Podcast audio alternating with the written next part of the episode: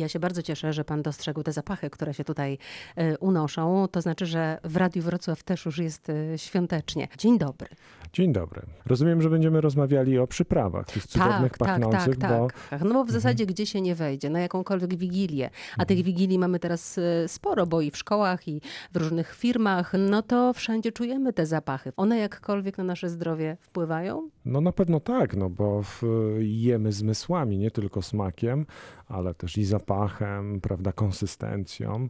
No zapach jest niezwykle istotny i faktycznie święta to taki czas, w którym dodajemy pewnych przypraw y, i pewne smaki i zapachy są za, zarezerwowane właśnie na ten okres świąteczny. To jest przede wszystkim cynamon, anyż, y, goździki, Goździki, prawda, mhm. inne przyprawy, bogałka muszkatałowa, skórka pomarańczowa. To wszystko właśnie tworzy tą magię świąt.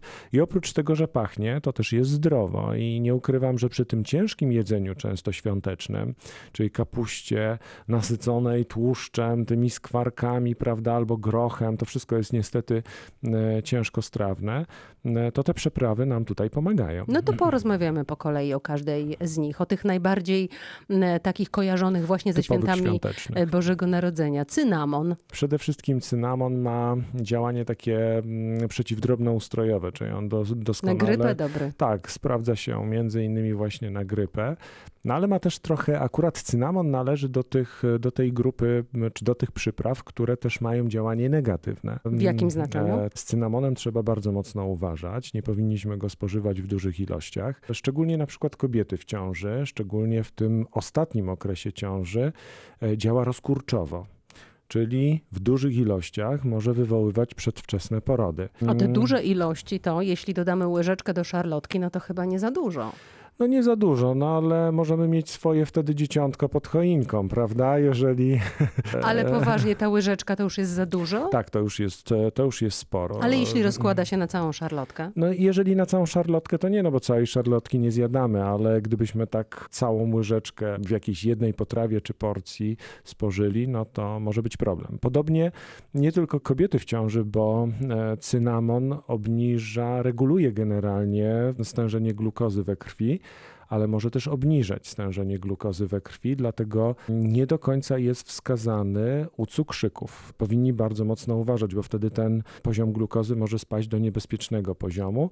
Jak A. bardzo muszą ograniczyć? Tak delikatnie do smaku, jeżeli to jest faktycznie jakaś szczypta na łyżeczce, to nie powinno być problemu. Zazwyczaj problem pojawia się wtedy, kiedy tego cynamonu jest sporo, czyli jeżeli mamy wiele przypraw, pierniki, prawda, pojawia się za chwilę szarlotka, pojawiają się inne ciasta czy potrawy. Teraz też eksperymentujemy z tymi przyprawami, więc nie idziemy tylko w typowe przyprawy świąteczne. My zawsze zwracamy uwagę, że a w tej porcji szarlotki jest tego niewiele, ale w różnych daniach też to może występować. Ale też nie można powiedzieć, że niewiele szarlotki w święta jemy, prawda? No to prawda, no.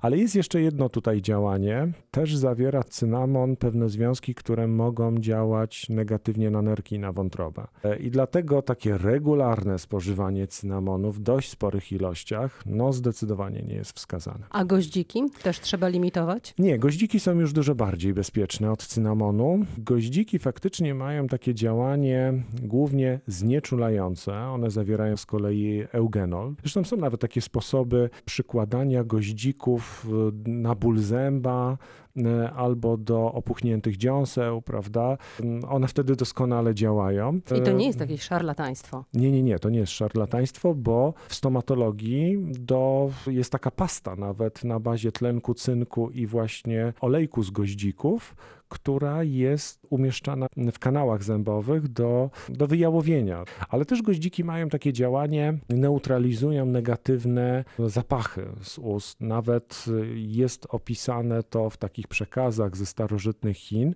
że osoby, które były e, dopuszczane przed majestat cesarza, musiały rzuć przez około 30 minut goździki i dopiero wtedy były dopuszczane do mm, takiego spotkania.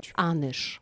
Anyż. No też dość specyficzny e, smak i zapach. Tutaj raczej nie możemy się dopatrzyć jakiegoś negatywnego wpływu na nasze zdrowie. Sporo tych związków, które tam występują, ale ten główny taki zapach anyżowy to jest e, aldehyd anyżowy. On ma takie działanie właśnie moczopędne i mm, rozkurczowe. Anyż Herbatkę działa- anyżową małym dzieciom się podaje. Tak, tak, bo właśnie ma działanie rozkurczowe. Czyli po ciężkich potrawach taka herbatka anyżowa tak, tak, jak zdecydowanie, najbardziej. zdecydowanie się sprawdza. Jedzenie świąteczne, jak już pan słusznie zauważył, jest tłuste i mocno obciąża e, organizm. Czy ten kompot z suszu, on rzeczywiście działa jak e, antidotum, czy to bardziej e, tradycja?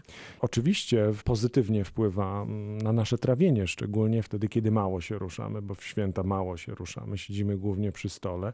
W suszach takich owocowych, szczególnie tych takich świąteczno-wigilijnych suszach, czyli gdzie mamy jabłka, śliwki, często są też śliwki wędzone, prawda, to przede wszystkim mamy spore ilości błonnika, zarówno tego błonnika rozpuszczalnego, jak i błonnika nierozpuszczalnego. W skórce mamy głównie ten błonnik nierozpuszczalny, prawda, czyli jeżeli ktoś po wypiciu takiego kompotu lubi jeszcze sięgnąć po te owoce, no to dostarcza jednocześnie dość spore ilości błonnika, bo w suszonych owocach mamy od 8, 9, 10, średnio 15%, w zależności o jakich owocach mówimy, nawet do 30% jak w przypadku żurawiny tego błonnika. No ale przecież bardzo kaloryczne są owoce suszone. No są, mają sporo cukru, ale też mają sporo potasu, mają sporo witaminy A, mają sporo beta-karotenu, także to jest bogactwo. Ja myślę też, że święta to taki czas, w którym powinniśmy zapomnieć o tych kaloriach, dietach, którymi się raczymy przez cały rok,